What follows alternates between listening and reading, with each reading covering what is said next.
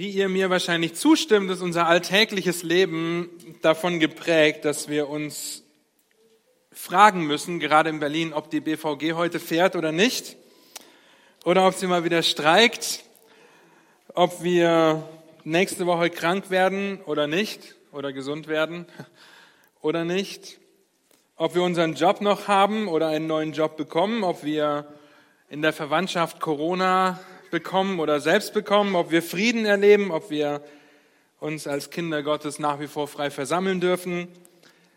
Unser Leben ist so häufig geprägt von hoffentlichs und vielleichts. Wir können nicht mit Sicherheit sagen, dass wir das oder jenes tun, gesund bleiben oder weiterhin Frieden herrscht. Einige von uns stehen vor finanziellen Herausforderungen oder sind arbeitslos keine Sicherheit, einen Job zu finden, vielleicht Zuversicht, aber Sicherheit? Oder denkt an die unzähligen Verabredungen in den letzten Monaten, die aufgrund des Wetters ins Wasser gefallen sind, weil man sich nur draußen treffen durfte. Denk mal an die letzten Monate, in denen wir nie wussten, ob ich jetzt einen Einkaufswagen mit in den Laden nehmen musste oder nicht. Ja, ob eine Hochzeit mit der gewünschten Anzahl an Gästen stattfindet oder nicht. Und so weiter und so weiter. Unsicherheit überall in unserem Leben. Und deshalb ist es umso schöner, dass wir heute zu einem Text in Römer 8 kommen, der uns eine hundertprozentige Sicherheit garantiert wo wir uns nicht fragen müssen, oh, vielleicht, eventuell kann ich ein bisschen Zuversicht haben, sondern zu 100 Prozent Sicherheit. Wir befinden uns, wie einige Autoren oder einige Autoren das nennen, eine Aus, Ausleger das nennen, auf der Bergspitze des Neuen Testaments. Römer Kapitel 8. Und wir sehen wie wir so ermutigt sein dürfen, wenn wir uns jetzt die letzten zwei Wochen mit diesem wunderbaren Kapitel beschäftigt haben, darüber nachgedacht haben, dass wir ein neues Leben haben, dass wir ein neues Wesen durch den Heiligen Geist haben und dadurch eine feste und zuversichtliche, hoffnungsvolle Erwartung, ein hoffnungsvolles Leben, wie wir gesehen haben ab Vers 18, dass Paulus zu dem Satz kommt, ich bin überzeugt, dass die Leiden der jetzigen Zeit nicht ins Gewicht fallen gegenüber der Herrlichkeit, die an uns geoffenbart werden soll. Ein hoffnungsvolles Leben, das zwar seufzt, wie wir letzte Woche gesehen haben, aber das dieses Ziel fest, fest vor Augen hat. Und so kommt Paulus zum Schluss dieses wunderbaren Kapitels und zeigt uns eine zweifache Logik auf. Eine zweifache Logik, die die Sicherheit des ewigen Lebens verankert, festsetzt oder in Stein meißelt. Nichts mehr daran zu rütteln. Und so lasst uns diese Verse gemeinsam lesen. Ich fange in Vers 28 an, weil das wichtig ist. Vers 28 in Römer Kapitel 8. Gottes Wort sagt, wir wissen aber, dass denen, die Gott lieben, alle Dinge zum Besten dienen, denen, die nach seinem Vorsatz berufen sind. Denn die er zuvor ersehen hat, die hat er auch vorherbestimmt, dem Ebenbild seines Sohnes gleichgestaltet zu werden, damit er der Erstgeborene sei unter vielen Brüdern. Die er aber vorherbestimmt hat, die hat er auch berufen. Die er aber berufen hat, die hat er auch gerechtfertigt, die er aber gerechtfertigt hat, die hat er auch verherrlicht. Nun, darum haben wir uns, darüber haben wir uns letzte Woche kurz Gedanken gemacht und jetzt macht Paulus weiter mit einer wunderbaren Frage. Was sollen wir nun oder was wollen wir nun hierzu sagen? Ist Gott für uns? Wer kann gegen uns sein? Er, der sogar seinen eigenen Sohn nicht verschont hat, sondern ihn für uns alle dahingegeben hat, wie sollte er uns mit ihm auch nicht alles schenken? Wer will gegen die Auserwählten Gottes Anklage erheben? Gott ist es doch, der rechtfertigt. Wer will verurteilen? Christus ist es doch, der gestorben ist, ja mehr noch, der auch auferweckt ist, der auch zu Rechten Gottes ist, der auch für uns eintritt. Wer will uns scheiden von der Liebe des Christus? Drangsal oder Angst oder Verfolgung oder Hunger oder Blöße oder Gefahr oder Schwert? Wie geschrieben steht, um deinetwillen werden wir getötet den ganzen Tag, wie Schlachtschafe sind wir geachtet. Aber in dem allem überwinden wir weit durch den, der uns geliebt hat. Denn ich bin gewiss, dass weder Tod noch Leben, weder Engel noch Fürstentümer noch Gewalten, weder Gegenwärtiges noch Zukünftiges, weder Hohes noch Tiefes noch irgendein anderes Geschöpf uns zu scheiden vermag von der Liebe Gottes, die in Christus Jesus ist, unserem Herrn. Ein wunderbarer Text und ich möchte noch beten, weil wirklich dem die Ehre gebührt, um den es in diesem Text geht. Herr, und so habt du Dank dafür, dass wir gewiss sein können. Die Gewissheit haben können, dass das Leben, das neue Leben, das hoffnungsvolle Leben, dass es sicher ist mit dir. Und so schenk du Gnade, dass wir ermutigt sind durch diesen Text, dass wir erbaut werden, angespornt werden und gemeinsam lernen, was es heißt, diese Sicherheit zu haben. Amen. Nicht nur, dass es das Ende von Kapitel 8 ist im Römerbrief, es ist sogar das Ende dieses Teilabschnitts im Römerbrief. Freude an der Sicherheit des Evangeliums. Und die vor uns liegenden Verse sind der Höhepunkt, der Abschluss, wenn ihr so wollt, das i-Tüpfelchen auf dem Ganzen, das i-Tüpfelchen der vorangegangenen Kapitel. Das fünfte Kapitel beginnt mit dem Frieden, den wir mit Gott haben durch Christus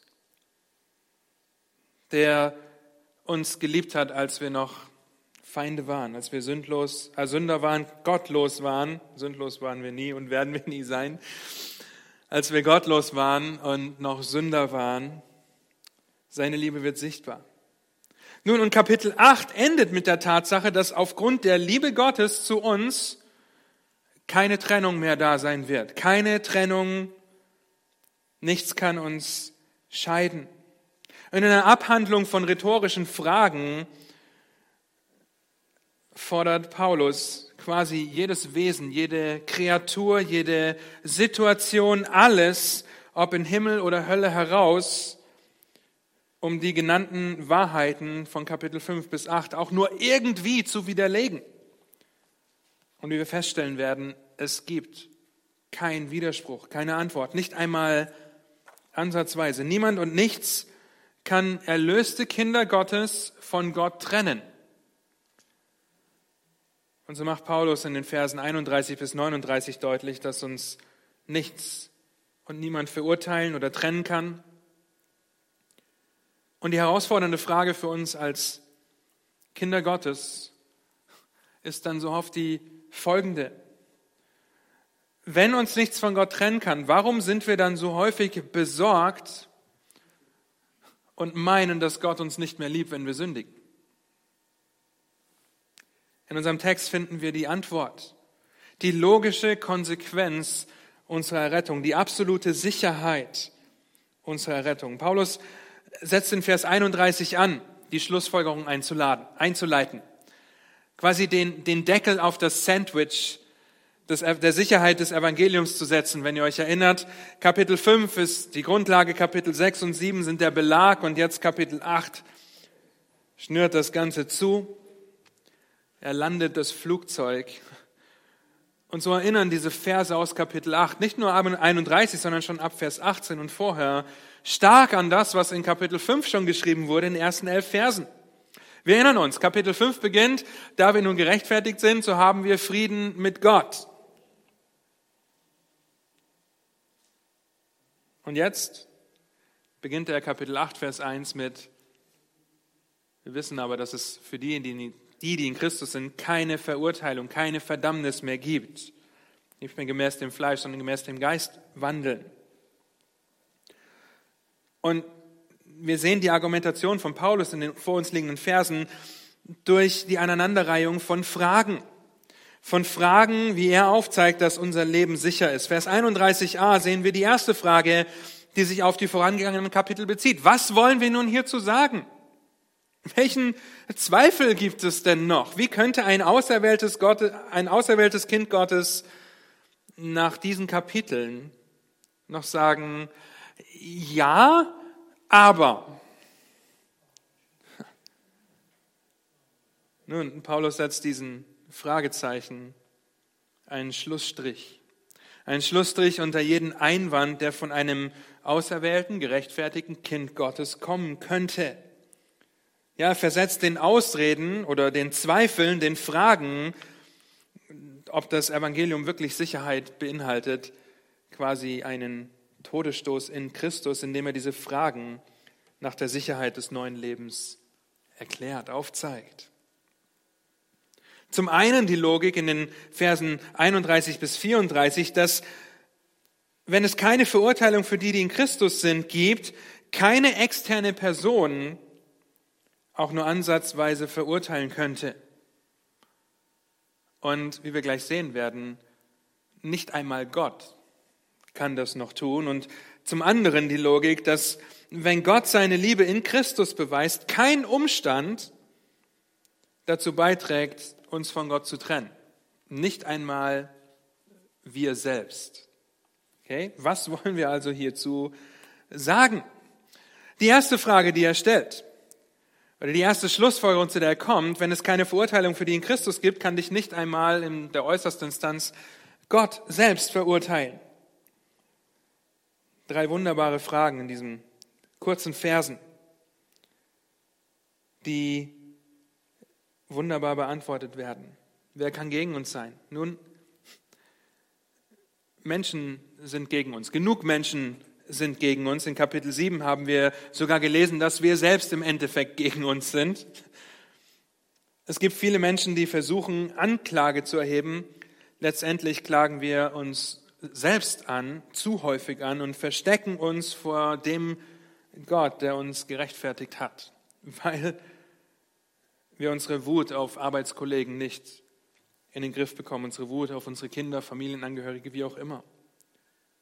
Weil wir uns ständig Sorgen machen und meinen damit nicht zu Gott kommen zu wollen, ihn nicht damit zu belasten, weil was soll das bringen? Weil wir uns dafür schämen. Anklage. Das wäre die erste Frage. Die zweite Frage, und Anklage ist die zweite Frage. Die dritte rhetorische Frage ist, wer will verurteilen? Wir gehen gleich noch genauer durch. Wie, wie sollte es jemals dazu kommen, dass wir verurteilt werden können, wenn es keine Verurteilung mehr gibt? Das ist die Frage, die Paulus stellt. Und in häufig erlebe ich das in, in intensiven Jüngerschaftsgesprächen oder der Seelsorge, dass ich früher oder später mit dem Ratsuchenden, mit der Person, die in ihrer Sünde, mit ihrer Sünde kämpft und vor mir sitzt, dass diese Sünde häufig dazu führt, dass die Person sich die Frage stellt, verurteilt mich Gott wieder? Und die Folge dessen ist dieses beständige und das ständige Ringen um diese Frage, kann Gott mich noch ablehnen oder kann er mich noch wieder annehmen, kann er mir noch einmal vergeben? Wird er mich verurteilen? Ich sage auf der einen Seite nicht, dass diese Fragen falsch sind und dass sie viel zum Vorschein bringen können, aber wenn du ein Kind Gottes bist, dann wollen wir diesen Fragen einen Todesstoß versetzen. Lass uns diese Fragen kurz betrachten. Wer, wer kann gegen uns sein, wenn Gott für uns ist? Und ihr seid hier schon weiter auf der Präsentation, das ist okay, ihr seht das schon, aber das ist überhaupt kein Problem. Ähm, und, und diese Frage in Vers 31 ist nicht, ähm, wer kann gegen uns sein, oder die Frage, ist Gott für uns? Ja, es ist nicht ein ist im Wahrscheinlichkeitssinn, sondern in der festen Überzeugung ohne Zweifel, Gott ist für uns. Und Paulus hat gerade erst sämtliche Zweifel aus dem Weg geräumt. Gott hat seine Liebe von Anfang an erwiesen. Wir erinnern uns an diese unzerstörbare Kette der Errettung. Er hat uns vorherbestimmt, dem Ebenbild seines Sohnes gleichgestaltet zu werden. Vers 29. Er hat uns auserwählt, er hat uns berufen, gerechtfertigt und verherrlicht. Gott hat das gemacht. Er ist für uns. Und das macht einen gewaltigen Unterschied, wenn wir darüber nachdenken. Okay, die Aussage ist also, jeder, der gegen ein Kind Gottes ist, ist im Endeffekt gegen Gott. Und dann können wir uns die nächste Frage stellen, wer, wer kann irgendwas gegen Gott ausrichten? Die Antwort ist niemand, keiner kann gegen Gott, den Gott des Universums, etwas ausrichten und somit kann auch niemand nur ansatzweise dazu beitragen, dass unser neues Leben nicht sicher ist, dass es keine Sicherheit meiner Errettung gibt. Und die Antwort in Vers 32 ist interessant, weil sie eben nicht primär auf externe Personen blickt, sondern Paulus quasi den Gipfel des Ganzen zum Gipfel des Ganzen kommt und aufzeigt, dass selbst Gott nicht mehr sich dafür entscheiden kann, gegen uns zu sein. Okay? Verwechselt das nicht damit, dass Gott uns züchtigt als Kinder Gottes, was wir in Hebräer 12 lesen, aber in 8 Vers 1, es gibt keine Verdammnis mehr für die, die in Christus Jesus sind. Nicht einmal Gott kann das rückgängig machen. Denn wenn, wenn Gott der Einzige ist, der retten kann, dann wäre er auch der Einzige, der diese Entscheidung zurücknehmen kann. Okay? Wenn alles von Gott kommt, dann kommt alles von Gott. Aber was Paulus hier sagt, auf keinen Fall ist das so, denn er hat seinen eigenen Sohn nicht verschont, um unseren Er hat ihn für uns hingegeben. Johannes 3, Vers 16, denn so sehr hat Gott die Welt geliebt, dass er seinen Sohn gab, damit jeder, der an ihn glaubt, nicht verloren geht, sondern ein ewiges Leben hat. Oder denkt an Römer 5, Vers 6, wo es heißt, Vers 8, Vers 6, ich muss gucken. Gott aber beweist seine Liebe zu uns dadurch, Vers 8, Gott beweist seine Liebe zu uns dadurch, dass Christus für uns gestorben ist, als wir noch Sünder waren. Das heißt, der ewige Gott hat in seinem souveränen, ewigen Ratschluss festgelegt, dass du ein Kind Gottes wirst. Und wenn er diese Entscheidung rückgängig machen könnte, zu was würde das Gott machen?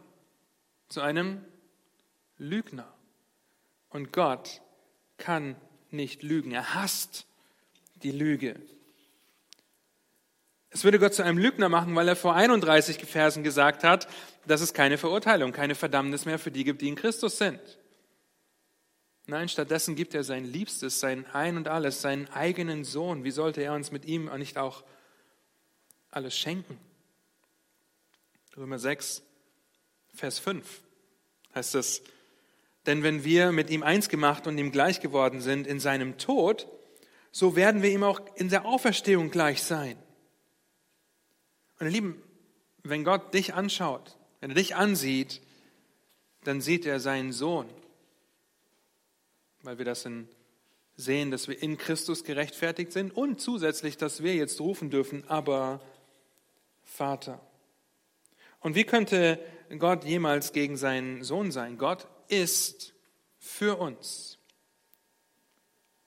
Wer kann gegen uns sein? Die nächste Frage, wer will Anklage erheben? Wer will uns anklagen?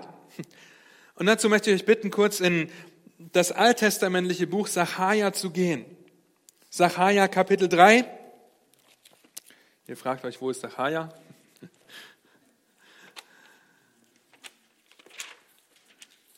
In Sacharja Kapitel 3 heißt es folgendes. Und das ist wichtig, dass wir das verstehen. Okay, Sacharja Kapitel 3, dort lesen wir von der Reinigung und Wiederherstellung Israels als priesterliche Nation. Und wir sehen einen Ankläger und eine klare Antwort Gottes. Sacharja 3, Vers 1 bis 5, da heißt es, und er ließ den hohen Priester Jeschua sehen, und er ließ mich den hohen Priester Jeschua sehen, wie er vor dem Engel Jahwes stand. Der Satan aber stand zu seiner Rechten, um ihn anzuklagen. Da sprach der Herr zum Satan, der Herr oder Jahwe, schelte dich, du Satan. Ja, Jahwe, schelte dich. Er der Jerusalem erwählt hat. Ist dieser nicht ein Brandscheid, der aus dem Feuer herausgerissen ist? Jeschua aber hatte unreine Kleider an und stand doch vor dem Engel.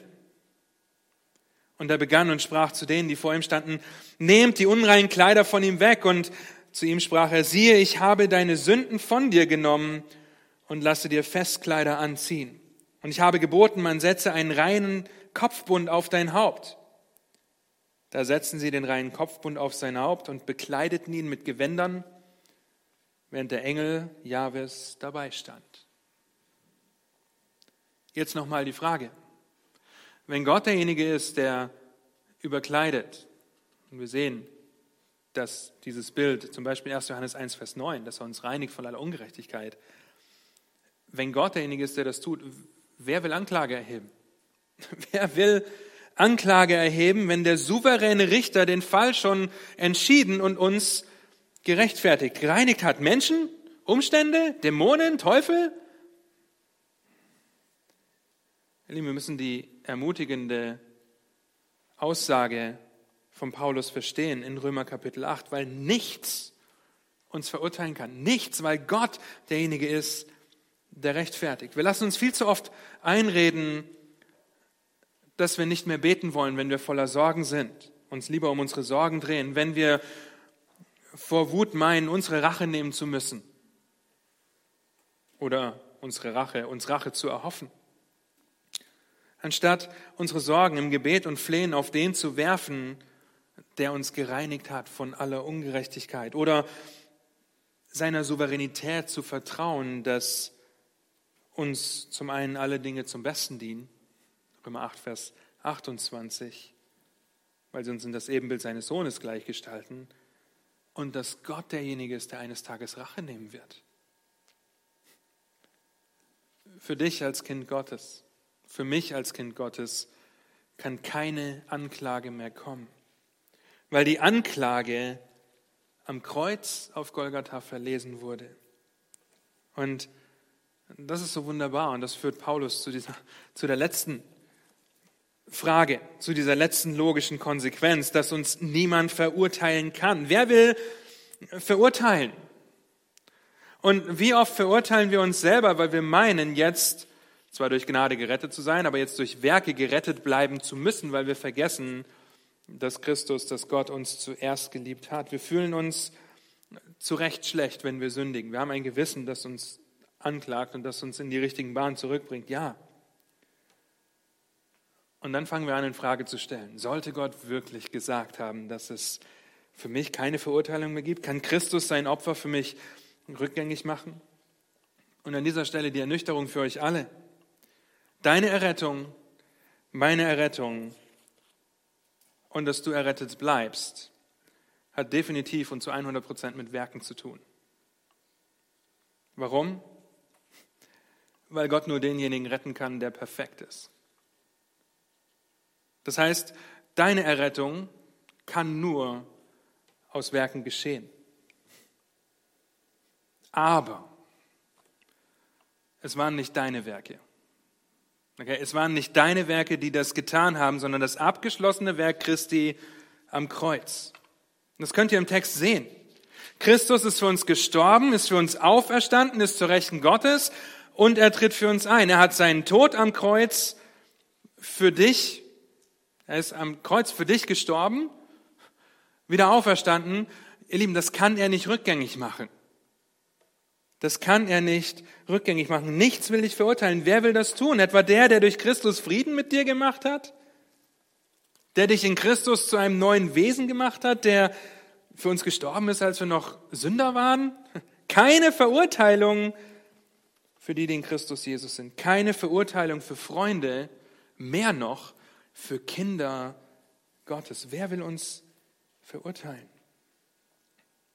Seht ihr einen Fortschritt in diesen Fragen? dieser logischen Schlussfolgerung. Gott ist für uns.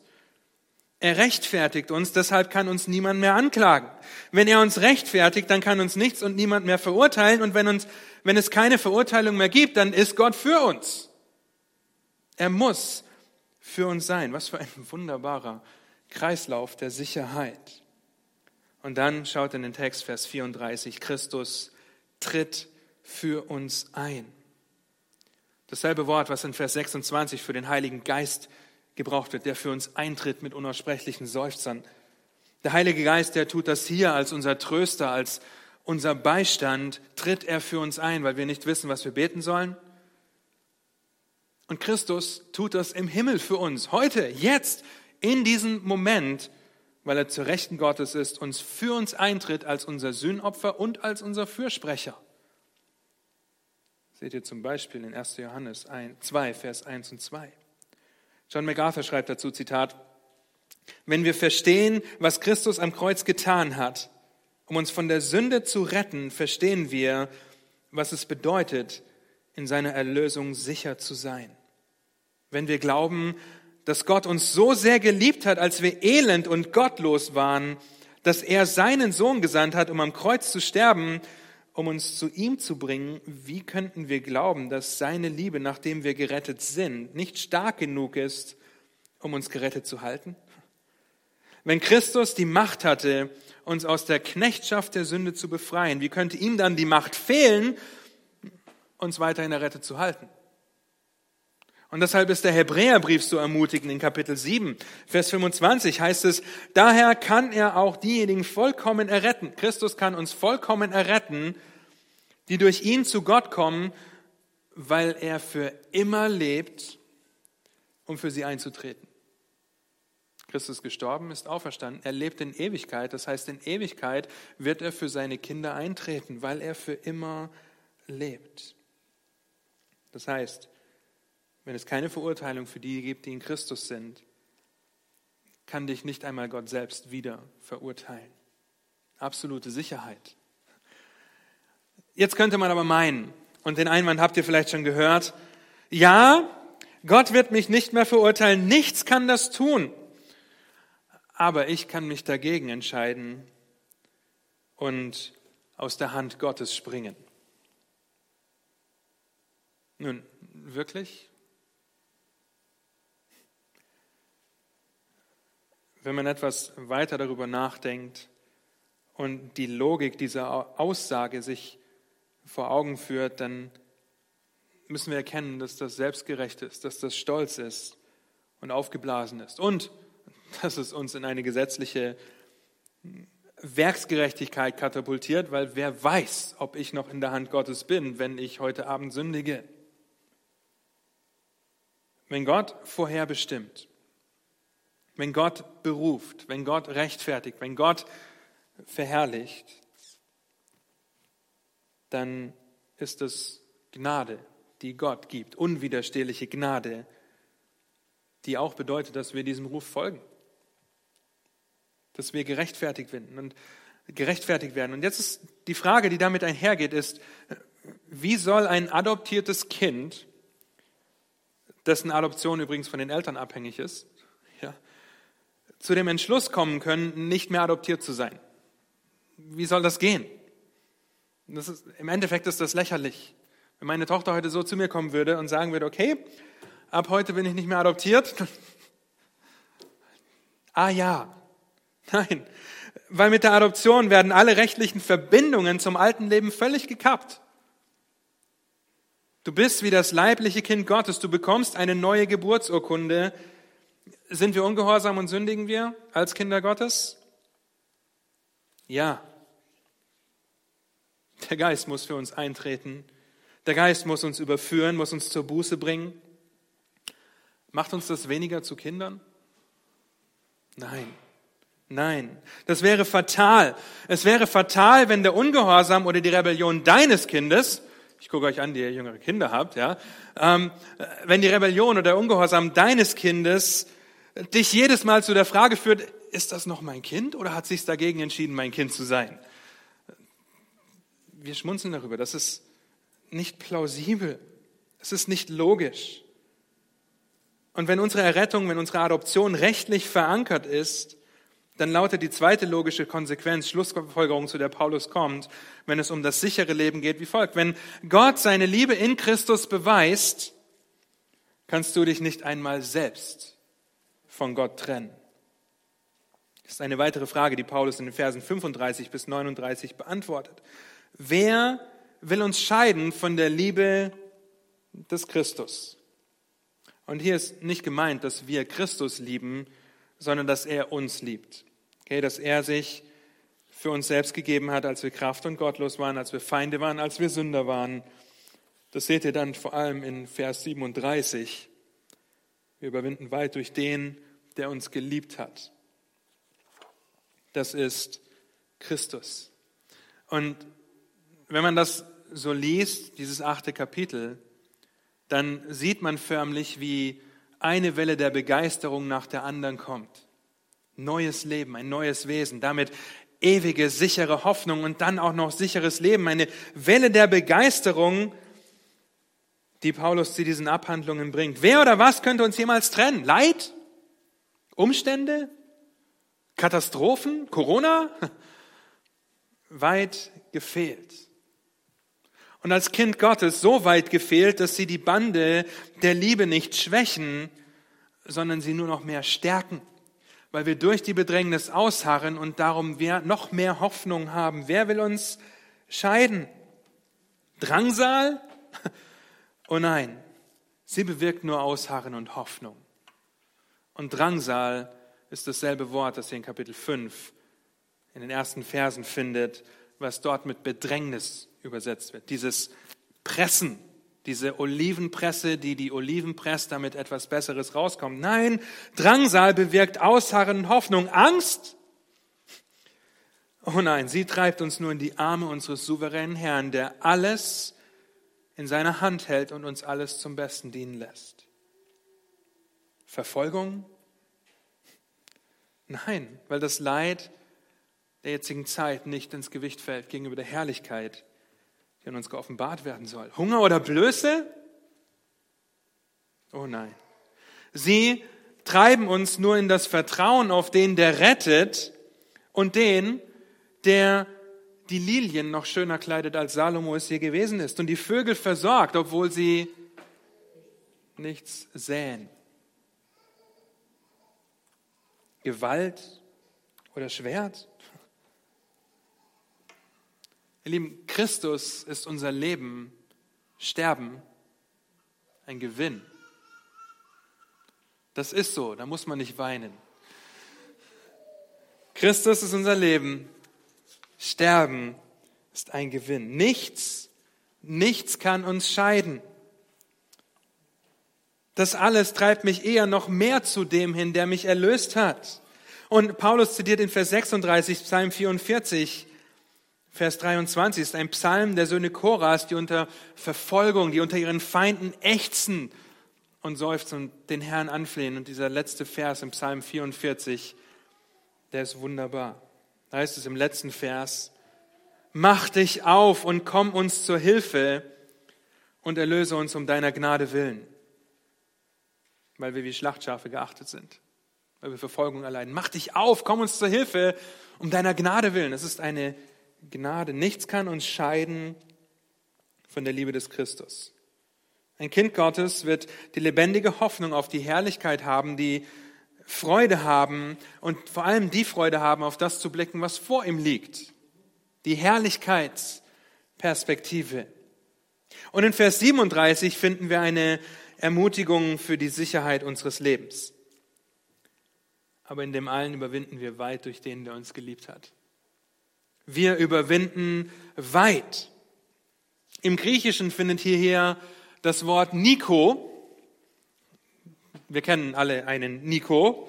Ja, und Nico bedeutet Gewinner oder Sieger. Offensichtlich geht ein Sieg oder ein Gewinn mit einer Handlung oder mit einer Schlacht einher, die für alle sichtbar gewonnen wurde, wo der Feind für alle sichtbar geschlagen wurde. Sonst wäre man kein Sieger. Vor Nico oder Nikao steht in unserem Text aber noch das Wort Hyper. Und die Konstruktion Hyper-Nikao, die findet ihr nur hier in der Schrift. Und sie ist zu übersetzen mit Über-Überwinder in Christus. Warum? Weil Christus die Welt überwunden hat. Er hat den Sieg errungen und weil wir in Christus die Welt überwunden haben. Das eine ist Johannes 16, Vers 33 und das andere ist 1. Johannes 5, Vers 5. In Christus sind wir über Überwinder. Durch den Opfertod am Kreuz werden wir zu Supersiegern, weil Christus den Sieg für uns schon errungen hat. Wir kämpfen quasi nicht mit der hoffentlich gewinnen wir die Schlacht, sondern wir kämpfen. Wir haben die Schlacht schon gewonnen und wir freuen uns, die Gegenwart des Heerführers, des Königs zu erleben. Und dieser Vers, der sollte eine Ermutigung für uns sein und ein, Vernichtungsschlag für die vorangegangenen Fragen. Wer sollte uns scheiden? Nichts kann uns scheiden. Dieser Vers ist eine Ermutigung und ein Ansporn, die Herrlichkeitsperspektive einzunehmen, weil der Sieg schon errungen ist. Nichts kann uns scheiden. Dieser Vers ist eine Ermutigung, mit deinen Sünden zu dem treuen und gerechten Gott zu kommen und anzufangen, die Wahrheit zu denken, weil alles für dich errungen wurde. Ihr Lieben, diese Kapitel zeigen die absolute Sicherheit in Christus auf. Sie können genauso aber überführend sein und aufzeigen, dass du keine Sicherheit in Christus hast, weil du das Evangelium für dich vielleicht noch nie in Anspruch genommen hast. In Christus, in seinem Tod, in seiner Auferstehung kannst du neues Leben haben. Nur in Christus. Nichts anderes wird dir das geben. Er ist stellvertretend für dich, für mich gestorben, weil Gott uns so sehr liebt, dass er seinen Sohn nicht verschont hat, ihn dahingegeben hat um unseren Willen. Wenn du das glaubst, wenn du das glaubst, was, was wollen wir noch hierzu sagen? Wenn du das nicht glaubst, dann erkenne, dass der Weg, auf dem du dich befindest, dich in Ewigkeit von Gott trennt. Du läufst weg von Gott. Und zu einem Überüberwinder zu werden, das geht nicht erst, wenn du dein Leben im Griff hast. Es geht nicht erst, wenn du von deinen Eltern oder anderen die Anerkennung oder das Lob bekommst, das du dir erhoffst. Das geht nicht erst, wenn du mal eine Woche lang gut warst. Es geht nur in Christus, der sein Leben und dein Leben im Griff hat, der absolute Anerkennung von Gott bekommen hat. Dies ist mein geliebter Sohn, an dem ich wohlgefallen habe und in dem Gott dich völlig anerkennt und der absolut perfekt war, ohne Sünde, jetzt und für immer. Wenn du das glaubst, dann wird dich nichts mehr von ihm trennen können. Und diese wunderbaren Fragen führen Paulus einfach nur zu dem gut bekannten Abschluss des Kapitel 8. Denn ich bin gewiss. Und wir könnten in ein Lied einstimmen, oder nicht? Wir haben es letzten Sonntag gesungen, denn ich bin gewiss, dass weder Tod noch Leben, weder Engel noch Fürstentümer noch Gewalten, weder Hohes noch Tiefes, weder Gegenwärtiges noch Zukünftiges noch irgendein anderes Geschöpf. Und in dem Wort Geschöpf findet ihr schon den Vernichtungsschlag für die Aussage, dass ich mich selber aus der Hand Gottes reißen kann, mich selber trennen kann. Ich bin ein Geschöpf. Ich bin nicht Gott. Noch irgendein anderes Geschöpf uns zu scheiden vermag von der Liebe Gottes, die in Christus Jesus ist, unserem Herrn. Diese Verse fordern uns auf, darüber nachzudenken, darüber zu staunen, wer Gott ist. Der grandiose Abschluss dieses Kapitels. Und Paulus kann nicht anders als Gott zu preisen. Absolute Sicherheit und Zuversicht. Ich bin gewiss, dass es absolut nichts gibt, was uns von der Liebe Gottes in Christus trennen kann. Nichts. Keine körperlichen Gefahren, keine Regierung, nichts Übernatürliches, nichts, was je existiert hat, zurzeit existiert oder jemals existieren wird. Nichts. Keine Gewalten, keine Kräfte, ob von oben oder von unten. Meine Lieben, das schließt uns mit ein. Nichts kann uns scheiden. Nichts. Nichts kann einen Keil zwischen die Kinder Gottes und ihren Vater schieben. Nichts. Es ist Gottes Werk, seine Errettung, seine Heiligung in unserem Leben. Er macht das die von nichts und niemand unterbrochen oder aufgehoben werden kann. Das heißt, Paulus macht jeden Zweifel der Sicherheit zunichte. Jeden Zweifel an der Sicherheit, indem er quasi jeden rechtlichen oder familiären Bereich abklappert, nur um zu der Erkenntnis zu kommen, dass es unmöglich ist, dass uns irgendetwas von Gott trennt. Diese Verse, diese Verse lassen dich über jeden Zweifel erhaben sein, dass deine Errettung sicher ist. Der Einzige, der uns von Gott trennen kann, ist Gott selbst. Das Einzige, was uns von Gott trennen würde, wäre das Auflösen der Dreieinigkeit. Denn wenn Gott der Vater sich dazu entschließt oder entschließen sollte, Gott den Sohn nicht mehr zu lieben, sein Opfer nicht mehr anzuerkennen, dann wäre, wären alle und jeder hoffnungslos verloren. Aber ihr Lieben, dieser Tag wird in Ewigkeit nicht eintreten. Weil Gott wohlgefallen hat an seinem Sohn und uns kann damit nichts von Gott scheiden, weil wir in Christus sind. Freu dich darüber. Glaube das. Mehr noch, feier das. Lebe darin. Feier den Sieg. Denk mit mir zum Schluss noch einmal darüber nach. Gott liebt dich einfach nur aufgrund seiner Entscheidung. Nicht aufgrund meiner selbst, was sich ständig ändern würden oder meiner Umstände, die sich ebenfalls ständig ändern. Gott liebt dich, weil er dich liebt. Gott liebt dich nicht, weil du so toll bist oder weil du in die Bibelgemeinde kommst oder weil du Punkt, Punkt, Punkt tust. Gott liebt dich, weil er sich dazu entschieden hat, dich zu lieben, ohne Ansehen der Person. So einfach. Nun, wie hilft uns das in unserem täglichen Leben, das uns so häufig herausfordert? Zum einen, blicke mit einer sicheren, unfehlbaren Zuversicht auf die Umstände und auf deine Sünde. Der allmächtige Gott des Universums hat entschieden, dich perfekt und heilig zu machen. Und absolut kann nichts kann diesen Plan durchkreuzen. Zweitens überlege, wie praktisch Paulus hier ist. Was er letztlich, letztlich sagt ist, Bruder, Schwester, wurdest du von Gott berufen? Hat die Kraft des Evangeliums dich errettet? Bist du auf deine Knie gefallen, hast Gott angefleht, dir Sünder gnädig zu sein? Gut.